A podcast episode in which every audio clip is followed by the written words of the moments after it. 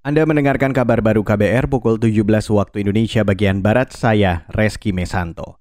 Kita langsung ke lantai bursa saudara, di mana perdagangan saham di Bursa Efek Indonesia pada awal Agustus ini bergerak naik turun di zona hijau.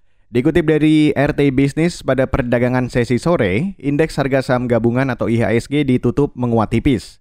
IHSG sore ini menguat 17 poin atau 0,25 persen ke level 6.968.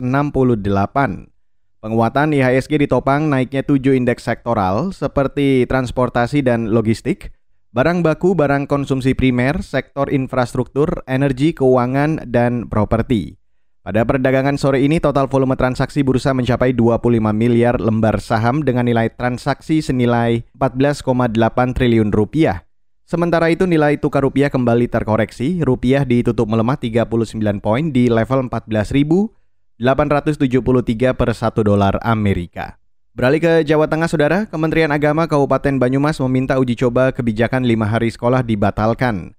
Kepala Kantor Kementerian Agama Banyumas Aziz Muslim mengatakan, penambahan jam pelajaran berpotensi mengganggu proses belajar anak-anak di sekolah agama atau madrasah diniyah dan Taman Pendidikan Al-Quran atau TPQ. Selain itu, rencana uji coba lima hari sekolah itu juga tidak dikoordinasikan dengan Kemenak Banyumas. Iya, ini memang otonomi Pak Bupati buat kebijakan dengan belum koordinasi memang sehingga harapannya ya mudah-mudahan uji coba ini tidak berkelanjutan itu. Artinya kasihan anak-anak dengan padatnya waktu, kemudian tidak ada kesempatan sore untuk ngaji TPG, Madin dan Diniyah itu. Memang betulnya yang membutuhkan untuk Madin masih itu anak-anak SD mestinya. Kalau madrasah sih insya Allah ini cuma harapannya TPG Madin juga uh, bisa sore hari. Kalau malam sudah capek lah Kepala Kantor Kementerian Agama Banyumas Aziz Muslim berharap kebijakan sekolah lima hari ditinjau ulang. Kemenak Banyumas juga berencana melakukan dialog dengan Bupati Banyumas dan Dinas Pendidikan setempat dalam waktu dekat.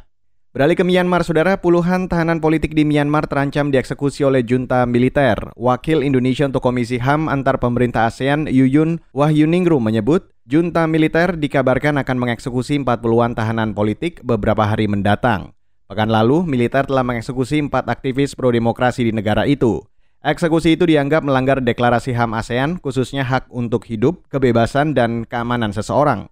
Asosiasi Bantuan untuk Tahanan Politik atau AAPP melaporkan, ada 70-an tahanan politik di Myanmar yang kemungkinan menghadapi pembunuhan di luar proses hukum rezim junta militer. Dan saudara, demikian kabar baru saya Reski Mesanto.